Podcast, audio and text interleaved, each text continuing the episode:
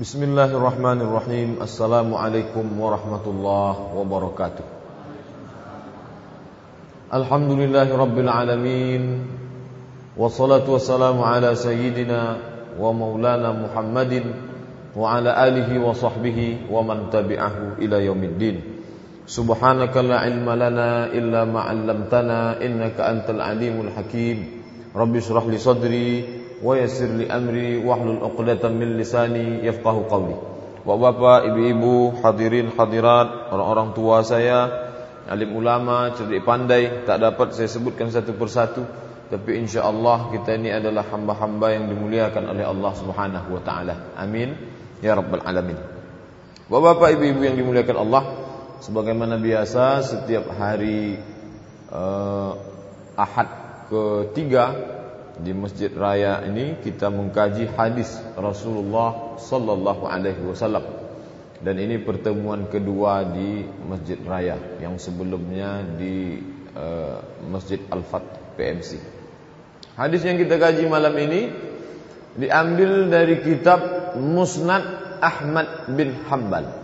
Jadi biasa kalau kita baca hadis ini riwayat Al-Bukhari, ini riwayat Muslim, ini riwayat At-Tirmizi, ini riwayat An-Nasa'i. Maka hadis ini riwayat Ahmad. Nama kitabnya kitab Musnad Ahmad bin Hambal. Kitab Musnad Ahmad bin Hambal ini disusun oleh seorang ulama besar bernama Imam Ahmad bin Hambal. Meninggal pada tahun 241 Hijrah. Itulah yang biasa kita kenal dengan sebutan Imam Hambali. Nama aslinya Ahmad bin Hambal. Dalam kitab Musnad Ahmad bin Hambal ini susunannya tak sama seperti kitab Sahih Bukhari. Kalau Sahih Bukhari susunannya menurut bab fiqih. Jadi kalau kita buka Sahih Bukhari maka susunannya bab salat, bab zakat, bab puasa, bab haji, bab jihad, bab sedekah. Tapi kalau dalam Musnad Ahmad bin Hambal dia susunannya tidak berdasarkan bab fiqih tapi susunannya berdasarkan nama perawi. Jadi siapa yang merawikan hadis itu? Jadi kalau yang merawikannya Abu Hurairah, maka di dalam itu ada Musnad Abi Hurairah. Itu hadis yang diriwayatkan Abu Hurairah semuanya. Hadis yang kita kaji malam ini hadis yang diriwayatkan oleh sahabat Nabi bernama Anas bin Malik radhiyallahu an. Qala Rasulullah sallallahu alaihi wasallam, Rasulullah bersabda, yang langsung didengar oleh Anas bin Malik, sahabat Nabi yang juga merupakan pembantu Nabi sallallahu alaihi wasallam. Beliau berasal dari golongan Ansar. Ketika Nabi pindah ke Madinah, maka datanglah seorang perempuan. Perempuan ini namanya Ummu Sulaim. Dia datang menghadap Nabi sallallahu alaihi wasallam, lalu dia berikan anak laki-lakinya yang lain mungkin memberikan emasnya untuk perjuangan Islam, yang lain memberikan kebunnya kepada Nabi untuk perjuangan jihad. Tapi ini seorang perempuan bernama Ummu Sulaim yang dia berikan kepada Nabi adalah anak laki-lakinya berumur 10 tahun. Namanya Anas bin Malik. Dialah yang menjadi pelayan pembantu Nabi wasallam. Ketika Nabi meninggal, maka Anas mengaku khadimtun nabiyya asyara sinin. Saya menjadi pembantu pelayan Nabi sallallahu alaihi wasallam selama asyara sinin, 10 tahun. Maka li uffin qattu. Nabi tak pernah membentak saya walau pun sekali. Itulah Anas bin Malik yang menjadi pembantu Nabi sekaligus sahabat yang termasuk tujuh di antara sahabat yang banyak meriwayatkan hadis dari Nabi sallallahu alaihi wasallam. Qala Rasulullah wasallam, Rasulullah bersabda, ala anni nahaitukum an salasin. Ketahuilah bahwa aku pernah melarang kamu melakukan tiga perkara. Dulu aku larang kamu tapi sekarang yang tiga itu boleh. Jadi hadisnya yang kita kaji malam ini tentang tiga perkara yang dulu dilarang Nabi oleh Nabi SAW pada awal-awal Islam ini perbuatan tak boleh dilarang tapi kemudian setelah diucapkan Nabi hadis ini, maka tiga perbuatan ini melakukannya suatu perbuatan dosa, tidak lagi dianggap suatu perbuatan yang dilarang. oleh Allah dan Rasulullah sallallahu alaihi wasallam. Ala ketahuilah anni sesungguhnya aku kata Nabi nahaitukum dulu aku larang kamu an salasin dari tiga ini. Kita tahu bahwa dalam Islam ini ada amar, ada nahi. Amar itu perintah, nahi itu larangan. Kalau amarnya kuat, perintahnya kuat, maka hukumnya wajib. Kalau dia perintahnya dalam bentuk teks, disebutkan secara teks, maka dia disebut dengan fardu. Tapi kalau tidak secara teks, tapi penakwilan, penafsiran dari teks, maka dia disebut dengan wajib. Maka ada istilah wajib dan ada fardu. Ini perintah, ada larangan. Larangan itu kalau sudah Nabi melarang maka melakukannya perbuatan yang haram. Ada perintah tapi tidak sampai pada wajib, maka dia sunat muakkad. Ada pula perintah tapi tak sampai pada sunat muakkad di bawah itu, maka dia sunat. Jadi ada tingkatan wajib atau fardu, kemudian sunat muakkad, kemudian sunat. Ini perintah. Ada pula larangan yang tak boleh dilakukan oleh seorang muslim yang kita kaji malam ini sesuatu yang sebenarnya larangan pada awal Islam tapi kemudian setelah keluarnya hadis ini maka hukum sebelumnya menjadi terbatalkan itulah yang kita kenal dengan istilah nasah nasah artinya menghapuskan hukum sebelumnya diganti dengan hukum yang baru nama prosesnya nasah yang lama itu disebut mansuh ayat atau hadis yang menghapuskan hukumnya namanya nasih. Nama prosesnya nasah.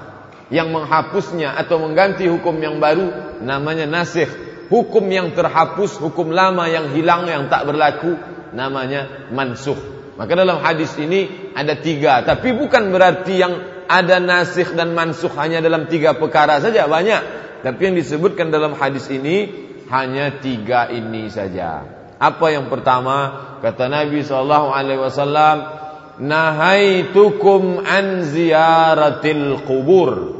Aku larang dulu dulu pada masa awal-awal Islam, aku larang kamu melakukan ziyaratil qubur, ziarah kubur. Ziarah kubur pada awal Islam tak boleh.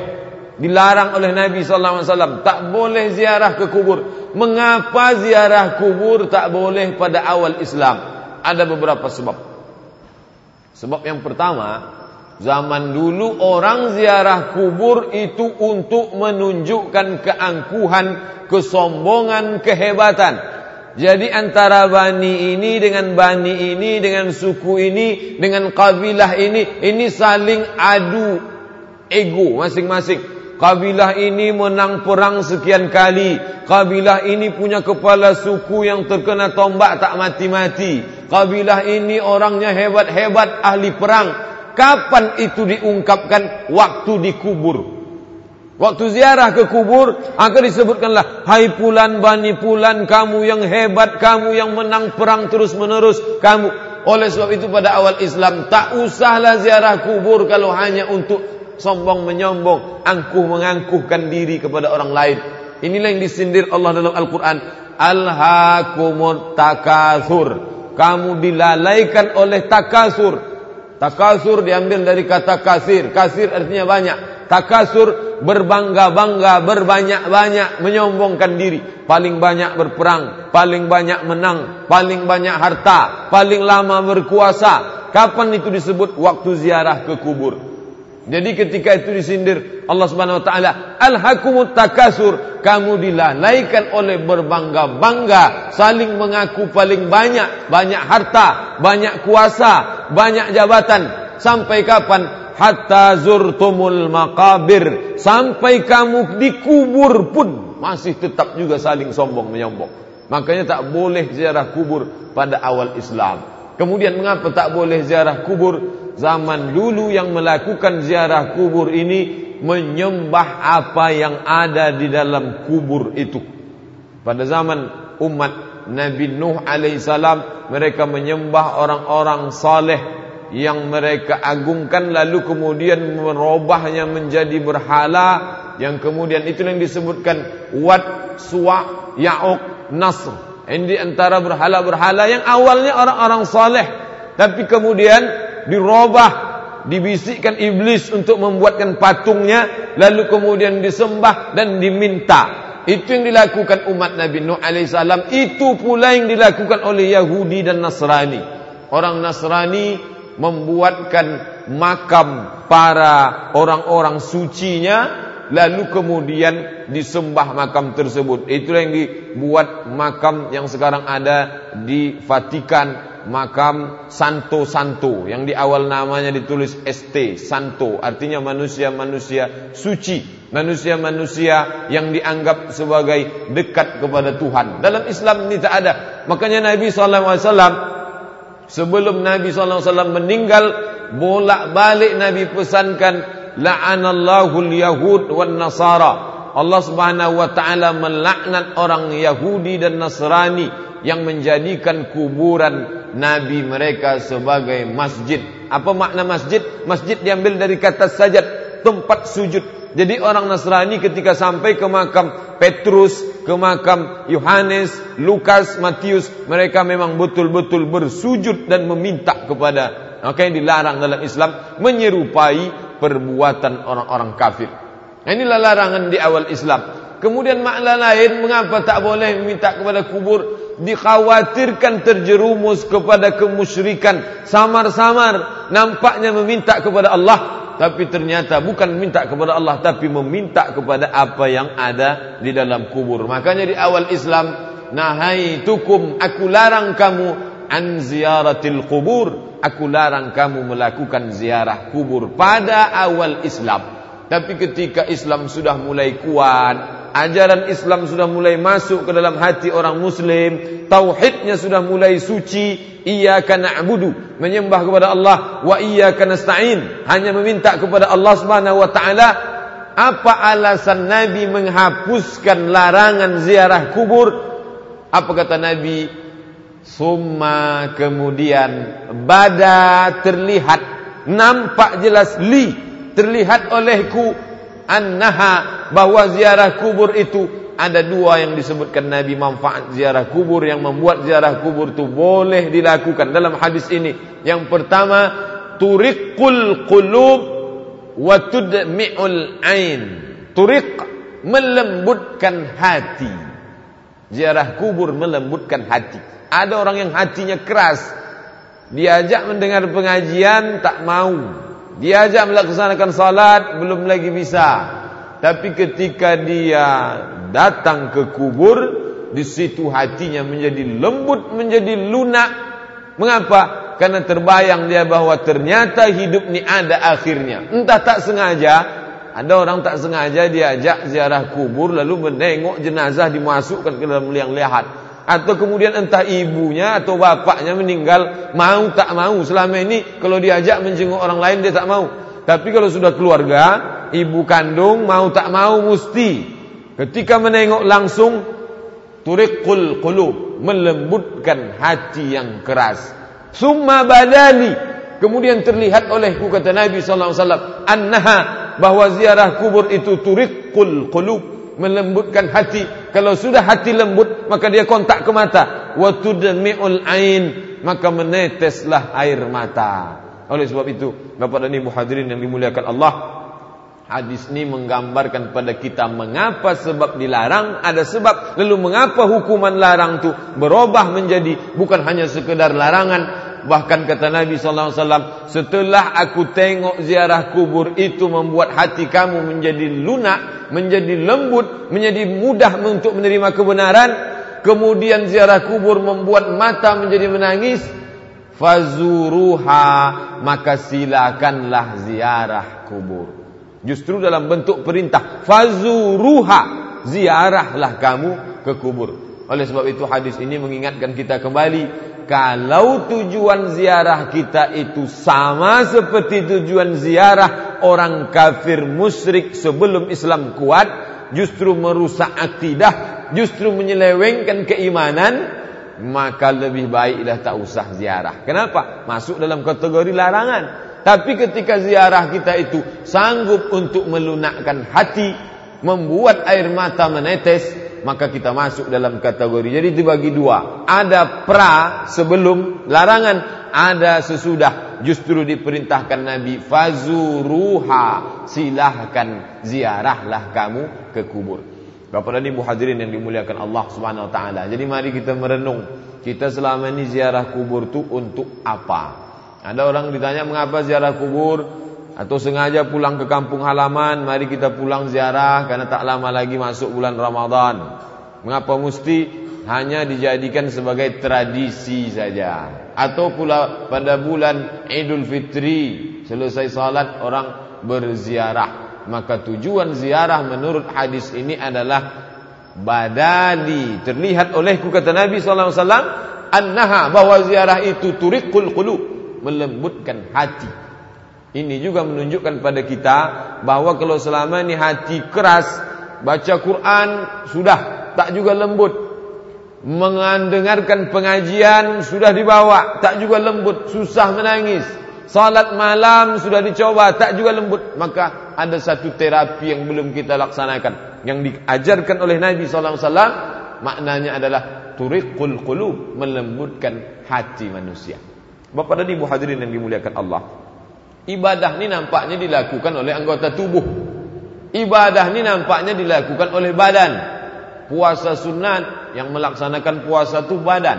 Menahan makan tenggorokan usus perut. Menahan mata malam solat tahajud mata yang melakukan. Mendengarkan pengajian telinga yang melakukan. Bersedekah tangan yang melakukan. Melangkahkan kaki tadi datang ke masjid kaki yang melakukan tapi jangan lupa bahawa mata telinga tangan dan kaki itu semuanya digerakkan oleh satu sumber penggeraknya di mana dia hati letaknya di hati. Itu yang disebut Nabi SAW. Ala fil jasadi mutrah. Ketahuilah bahawa dalam jasadmu itu ada segumpal, segenggam, sesuap. Asal kata mutrah, satu suapan. Iza salahat. Kalau dia baik, salahal jasadu kulluh. Maka yang lain ikut baik. Wa iza fasadat. Tapi kalau dia rusak, fasadal jasadu kulluh. Maka seluruh jasad ikut rusak. Oleh sebab itu, melunakkan hati, melembutkan hati, Salah satu caranya adalah diajarkan Nabi lewat hadis ini dengan ziarah ke kubur. Bapak dan Ibu hadirin yang dimuliakan Allah Subhanahu wa taala. Kemudian setelah hati mulai dia kontak ke mata. Mata meneteskan air mata, manusiawi. Ada orang menetes karena senang, ada orang menetes karena susah. Banyak hal menyebabkan air mata menetes dan disebutkan dalam hadis bahwa di antara tetesan yang dapat membantu kita di hadapan Allah adalah dua tetesan. Yang pertama tetesan darah ketika berjihad fisabilillah. Yang kedua adalah tetesan air mata karena takut kepada Allah Subhanahu wa taala. Boleh jadi sampai akhir hayat kita tak ada darah menetes satu tetes pun.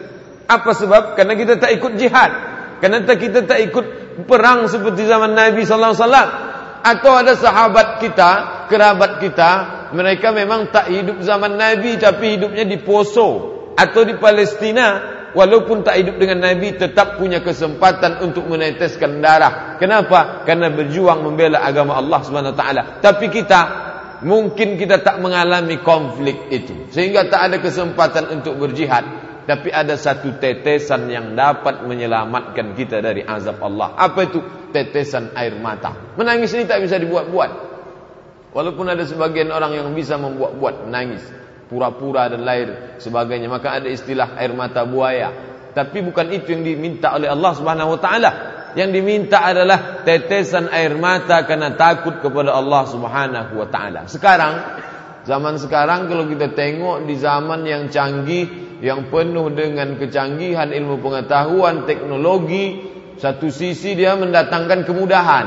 Dulu kita sulit membaca, sekarang mudah. Dulu sulit untuk mencari buku, sekarang mudah. Tapi satu sisi membuat hati manusia semakin kering, semakin keras.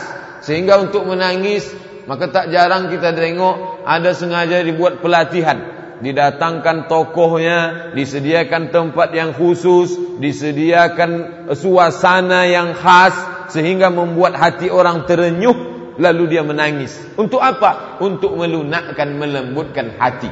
Tapi Nabi SAW tak mengajarkan demikian. Salah satu cara melunakkan, melembutkan hati adalah dengan cara ziarah ke kubur. Kalau sudah hati lunak, maka menetes air mata. Bapak dan Ibu hadirin yang dimuliakan Allah Subhanahu wa taala. Jadi kalau selama ini kita ziarah ke kubur, tak ada perasaan takut, tak membuat hati menjadi lembut, air mata tak menetes, kita perlu tanya. Kalau kita katakan salah terapi yang diajarkan Nabi tak mungkin. Nabi tak mungkin salah. Mengapa Nabi tak salah? Karena Nabi itu wa ma yantiqu anil hawa. Dia tak mengikuti hawa nafsu. Nabi itu in huwa illa wahyun yuha. Yang dia ikuti adalah wahyu dari Allah Subhanahu wa taala. Jadi kalau Nabi mengatakan bahawa ziarah kubur melembutkan hati, menyebabkan air mata menetes, maka itu sudah datang dari Allah Subhanahu wa taala. Hati itu ciptaan Allah. Yang tahu Allah Subhanahu wa taala.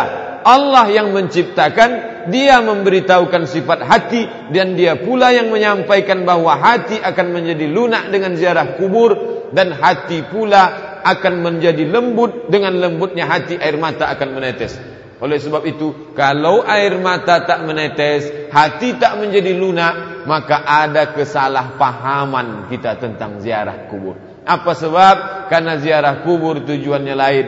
Ada orang ziarah kubur karena mau mencari pesugihan biar kaya mendadak. Ziarah kubur mau mencari ilmu kebal untuk mendapatkan uh, apa namanya wangsit, bisikan dan lain sebagainya. Ini perlu diluruskan. Oleh sebab itu, kalaulah tujuannya tak benar, justru merusak keimanan, justru terjerumus ke dalam kemusyrikan, maka masuk dalam kategori sebelum ku iman kuat, masuk kategori ziarah yang terlarang. Tapi ketika sudah kuat, maka masuk dalam kategori fazuruha, maka berziarahlah ke kubur. Yang perlu dipahami juga bahawa ketika ziarah ke kubur kita tidak meminta kepada orang yang dimakamkan. Tapi kita justru mendoakan dia. Siapa yang mengatakan demikian? Nabi. Dalam sahih bukhari dalam sahih muslim dalam sunan tirmizi dalam sunan ibnu majah disebutkan hadis ini mirip-mirip bacaannya. Tapi yang saya hafal yang dalam sunan ibnu majah yang lengkap yang panjang. Apa kata nabi mengajarkan ketika ziarah kubur? Assalamu alaikum Semoga Allah mencurahkan keselamatan untuk kamu Hai orang yang ada di alam barzah. Ahlad diyar Wahai penghuni negeri alam barzah Minal mu'minina wal muslimin Kaum mu'minin dan kaum muslimin. Kemudian apa kata Nabi SAW Wa inna insya'allahu bikum lahiqun. Insya'allah kami menyusul kamu. Kalaupun sekarang kamu yang berada di dalam itu hanya kebetulan kamu duluan. Wa inna insyaallah bikum lahiqun. Insyaallah kami akan menyusul kamu. Jadi kalau sudah bunyinya lahiqun, menyusul, menyertai, akan ikut serta, maknanya tak lama lagi. Waktu yang tak lama lagi kami pun akan berada di sana juga. Kebetulan kamu duluan. InsyaAllah lahiqun. InsyaAllah kami menyusul kamu. Kemudian apa didoakan untuk mereka? Nas'alullaha wa nas'alullaha lana walakumul afiyah. Kami memohon semoga Allah memberikan lana untuk kami yang masih hidup.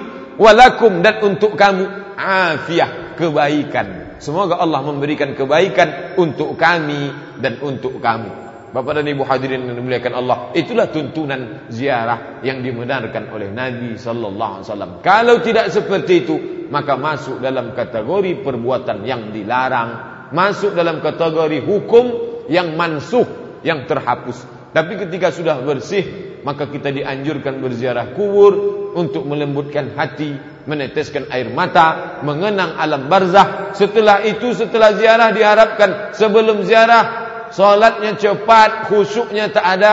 Setelah ziarah, salatnya semakin khusyuk. Sebelum ziarah, hatinya keras, sulit bersedekah. Setelah ziarah, hati menjadi lembut, ringan tangan bersedekah. Ada perubahan setelah ziarah. Baik ziarah khusus untuk ziarah maupun ziarah sambil mengantarkan jenazah, memasukkan ke liang lahat dan lain sebagainya. Ah, ini yang pertama. Yang kedua, apa yang dilarang Nabi, kemudian setelah itu dibolehkan. Wa nahaitukum. Dulu kata Nabi, aku larang kamu. Apa yang dilarang Nabi yang kedua? Wa nahaitukum an luhumil udhiyah Aku larang kamu menahan daging udhiyah, daging kurban fauqa salasin lebih dari tiga hari. Di awal-awal ajaran Islam itu tak boleh menahan daging kurban lebih tiga hari. Jadi kalau disembelih tanggal 10, 11, 12, 13 mesti habis. Apakah habisnya dimakan atau habis dibagi-bagikan? Intinya tak boleh disimpan lama-lama. Lalu apakah hukum ini berlaku sampai sekarang? Ternyata hukum ini tak lagi berlaku. Kenapa? Karena hadis yang kita kaji malam ini dalam Musnad Ahmad bin Hanbal membatalkan hukum tersebut, menyatakan hukum itu menjadi mansuh. Mengapa dia mansuh? Apa kata Nabi wasallam? Summa badali terlihat olehku kata Nabi wasallam annan nasa bahwa nas manusia orang banyak kaum muslimin orang-orang yang berkurban dan menerima kurban yabtaghuna adamahum. Mereka mencari lauk pauk gandumnya sudah ada makanan mereka gandum tapi perlu makanan tambahan adam. Adam. Kalau Nabi Adam alifnya panjang Adam. Kalau tak panjang Adam artinya lauk pauk tambahan makanan. Mereka perlu makanan tambahan Kemudian apa lagi yang membuat hukum ini menjadi halal? Kata Nabi sallallahu alaihi wasallam, "Wa yuthifuna dhaifahum." Orang Islam itu bertamu, ada tamunya, makanannya kurang. Kalau dibatasi hanya tiga hari, maka dia kekurangan makanan. Yuthifuna dhaifahum. Yang ketiga kata Nabi sallallahu alaihi wasallam, "Wa yarfa'una li ghaibihim." Ada keluarga mereka yang gaib.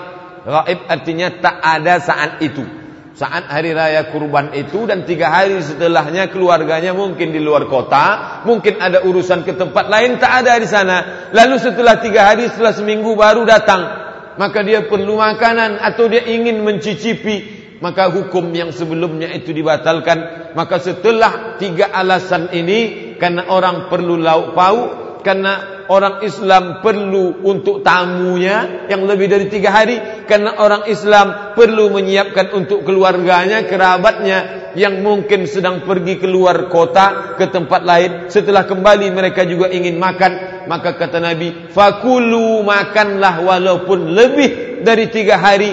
Wa amsiku dan simpanlah. Boleh dimakan boleh disimpan oleh sebab itu hukum yang tak boleh melarang itu menjadi mansuh dengan adanya hadis ini. Oleh sebab itu Bapak dan Ibu hadirin yang dimuliakan Allah, tak ada larangan untuk menyimpan, tapi jangan sampai karena hadis ini membolehkan lalu kita simpan sebanyak-banyaknya sampai tak muat kulkas itu sampai busuk dan lain sebagainya ini. Ini masuk dalam kategori bakhil. Ini masuk dalam kategori rakus. Maknanya ya cukup, tapi kadar cukup itu jangan kadar secukupnya. Kalau sudah secukupnya tak ada batas secukup. Orang mau cukup terus. Jangankan satu sepertiga kambing, seekor kambing pun tak akan cukup. Jangankan seekor kambing, satu lembah dari emas pun tak akan cukup. Apa kata Nabi wasallam kalau cerita masalah cukup, laukana libni adam libni adam wadiyan min zahab. Kalaulah anak Adam itu punya satu lembah dari emas, latamanna ayyakuna lahu wadiyan akhar. Dia minta kepada Allah bisa tak minta satu lagi. Jadi kita tak cerita cukup, tapi maknanya boleh memakan. Fakulu, silakan makan. Wa amsiku, silakan simpan. Tapi ketika kita tengok ada orang lain butuh, ya kita bagi. Jangan sampai berdalil dengan hadis ini. Kalau kita mau cari kebenaran, bukan cari pembenaran. Seringkali kita tak mencari kebenaran.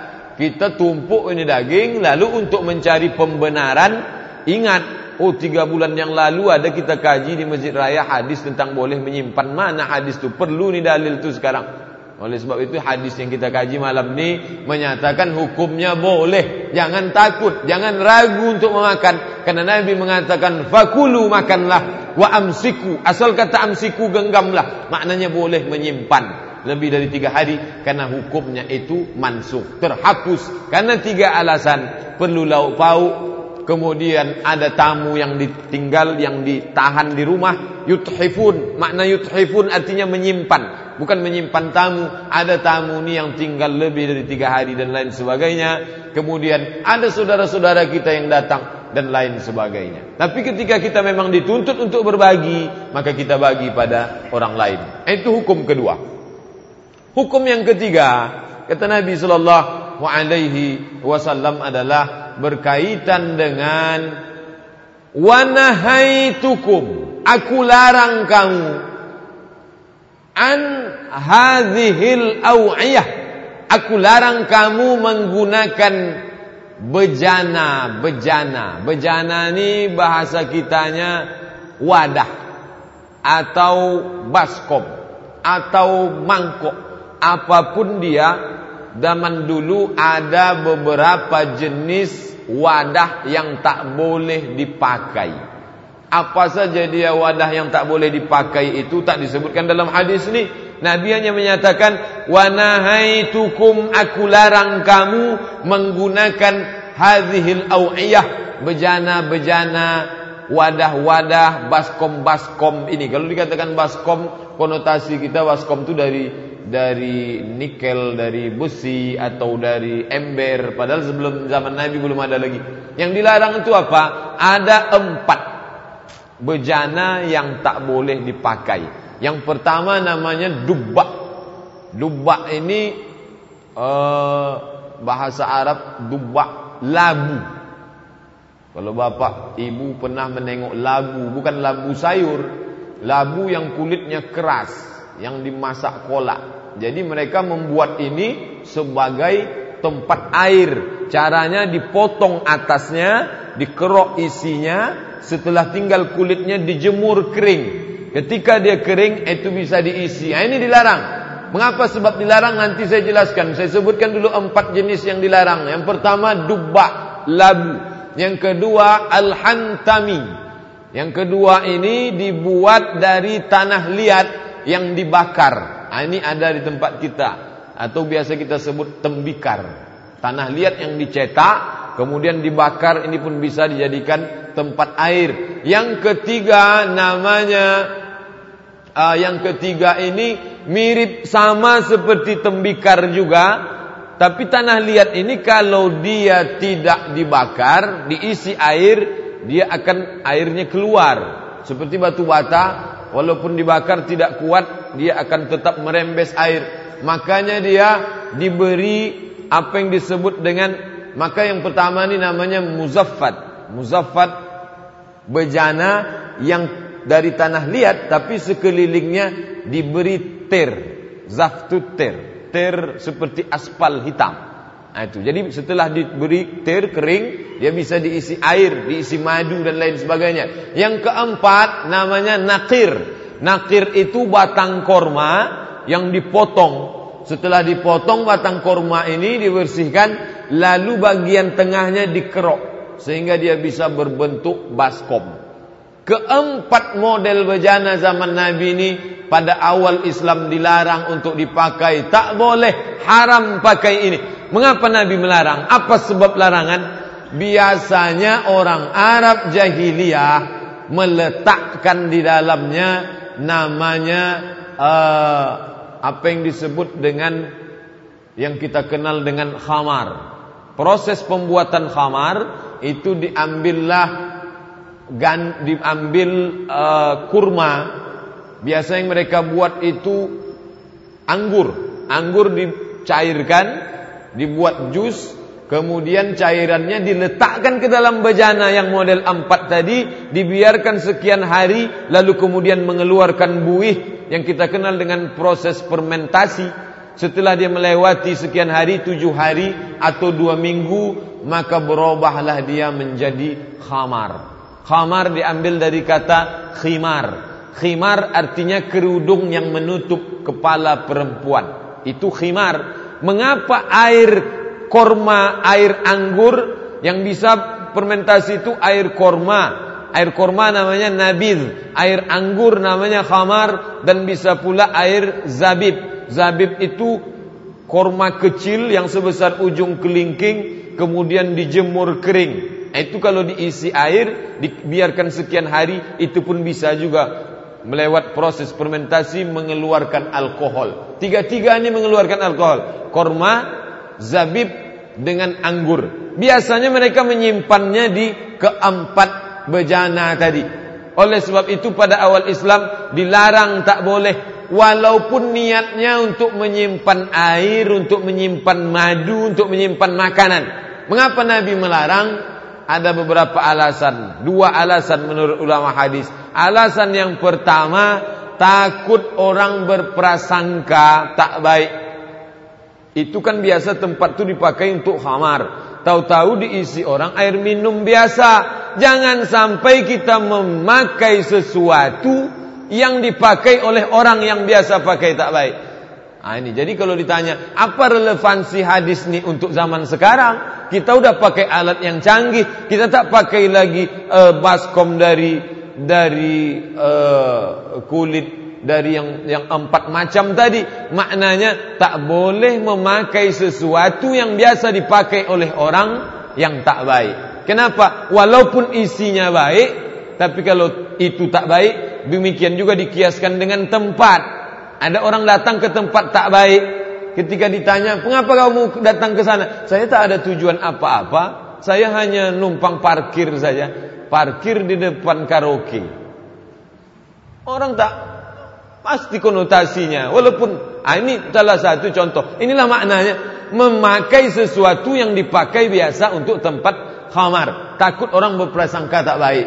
Kemudian larangan kedua, takut ada sisa khamar yang masih bersisa di dalam lalu diisi dengan air minum bercampur antara yang halal dengan yang haram bercampur antara yang hak dengan yang batil ketika awal Islam ini masih belum jelas tetapi ketika Islam sudah kuat dan khamar sudah diharamkan sudah turun ayat ya ayyuhalladzina amanu hai orang beriman innamal khamru sesungguhnya khamar wal maisir judi wal ansab menyembelih binatang untuk berhala wal azlam mengundi nasib dengan anak panah rijsun ini perbuatan kotor najis min amali syaitan perbuatan syaitan fajtanibu maka jauhilah tapi masalah khamar ini tak bisa dilepaskan dari orang Arab orang Arab itu minum khamar sudah la, sudah sama seperti minum air putih Bagaimana kita minum teh manis pagi begitulah orang Arab itu minum khamar. Oleh sebab itu bagaimana kita mau tahu banyaknya khamar? Ketika turun ayat pengharaman khamar, ditumpahkanlah khamar di kota Makkah dan kota Madinah penuh parit-parit mereka. Jadi kalau orang sekarang minum khamarnya hanya malam Ahad, malam Minggu, itu belum ada apa-apanya dengan khamar yang diminum Abu Lahab, Abu Jahal, Abu Sufyan dan orang-orang Arab jahiliyah mereka minum khamar itu memang sudah sama seperti minum air putih. Makanya pengharaman khamar tidak langsung turun sekaligus. Kalaulah khamar itu langsung diturunkan sekaligus, mereka tak akan sanggup menerima Islam. Pengharaman khamar bertahap turunnya. Pertama ketika mereka ditanya, mereka bertanya kepada Nabi sallallahu alaihi wasallam, "Yas'alunaka 'anil khamri wal maisir." Ya Muhammad, kalau mereka bertanya kepadamu tentang khamar, Jangan katakan khamar itu haram. Qul katakan, qul katakan ya Muhammad fihi ma ismun kabir. Katakan dalam khamar dan judi itu ismun kabir, banyak dosanya, banyak salahnya, banyak negatifnya. Wa manafi'u linnas, tapi manfaatnya juga banyak, menghangatkan badan, membuat kesehatan, ada unsur kesehatan di dalam. Katakan manfaatnya banyak, wa ismuhuma akbar, tapi dosanya and efek negatifnya lebih banyak. Jadi waktu itu belum cerita haram. Yang diceritakan bahwa ada baiknya, ada tak baiknya. Begitulah lenturnya Islam. Ketika ditanya tentang khamar, khamarnya ada baiknya. Tapi ada tak baiknya. Dan tak baiknya lebih banyak. Belum cerita haram. Kemudian setelah mereka mulai agak sadar, baru ketika itu turun ayat La taqrabus salah wa antum sukara. Jangan kamu dekati salat waktu kamu sedang mabuk. Jadi kalau mau mabuk jangan waktu mau dekat-dekat azan. Jadi mabuknya boleh nanti agak lama-lama sedikit. Ayat ini turun ketika ada sahabat Nabi yang membaca qul ya ayyuhal kafirun lalu bobolak balik wala ana abidum ma'abattum wala antum abiduna ma'abud. Saking mabuknya tak dapatnya simpang lakum dinukum waliyadin. Mabuk.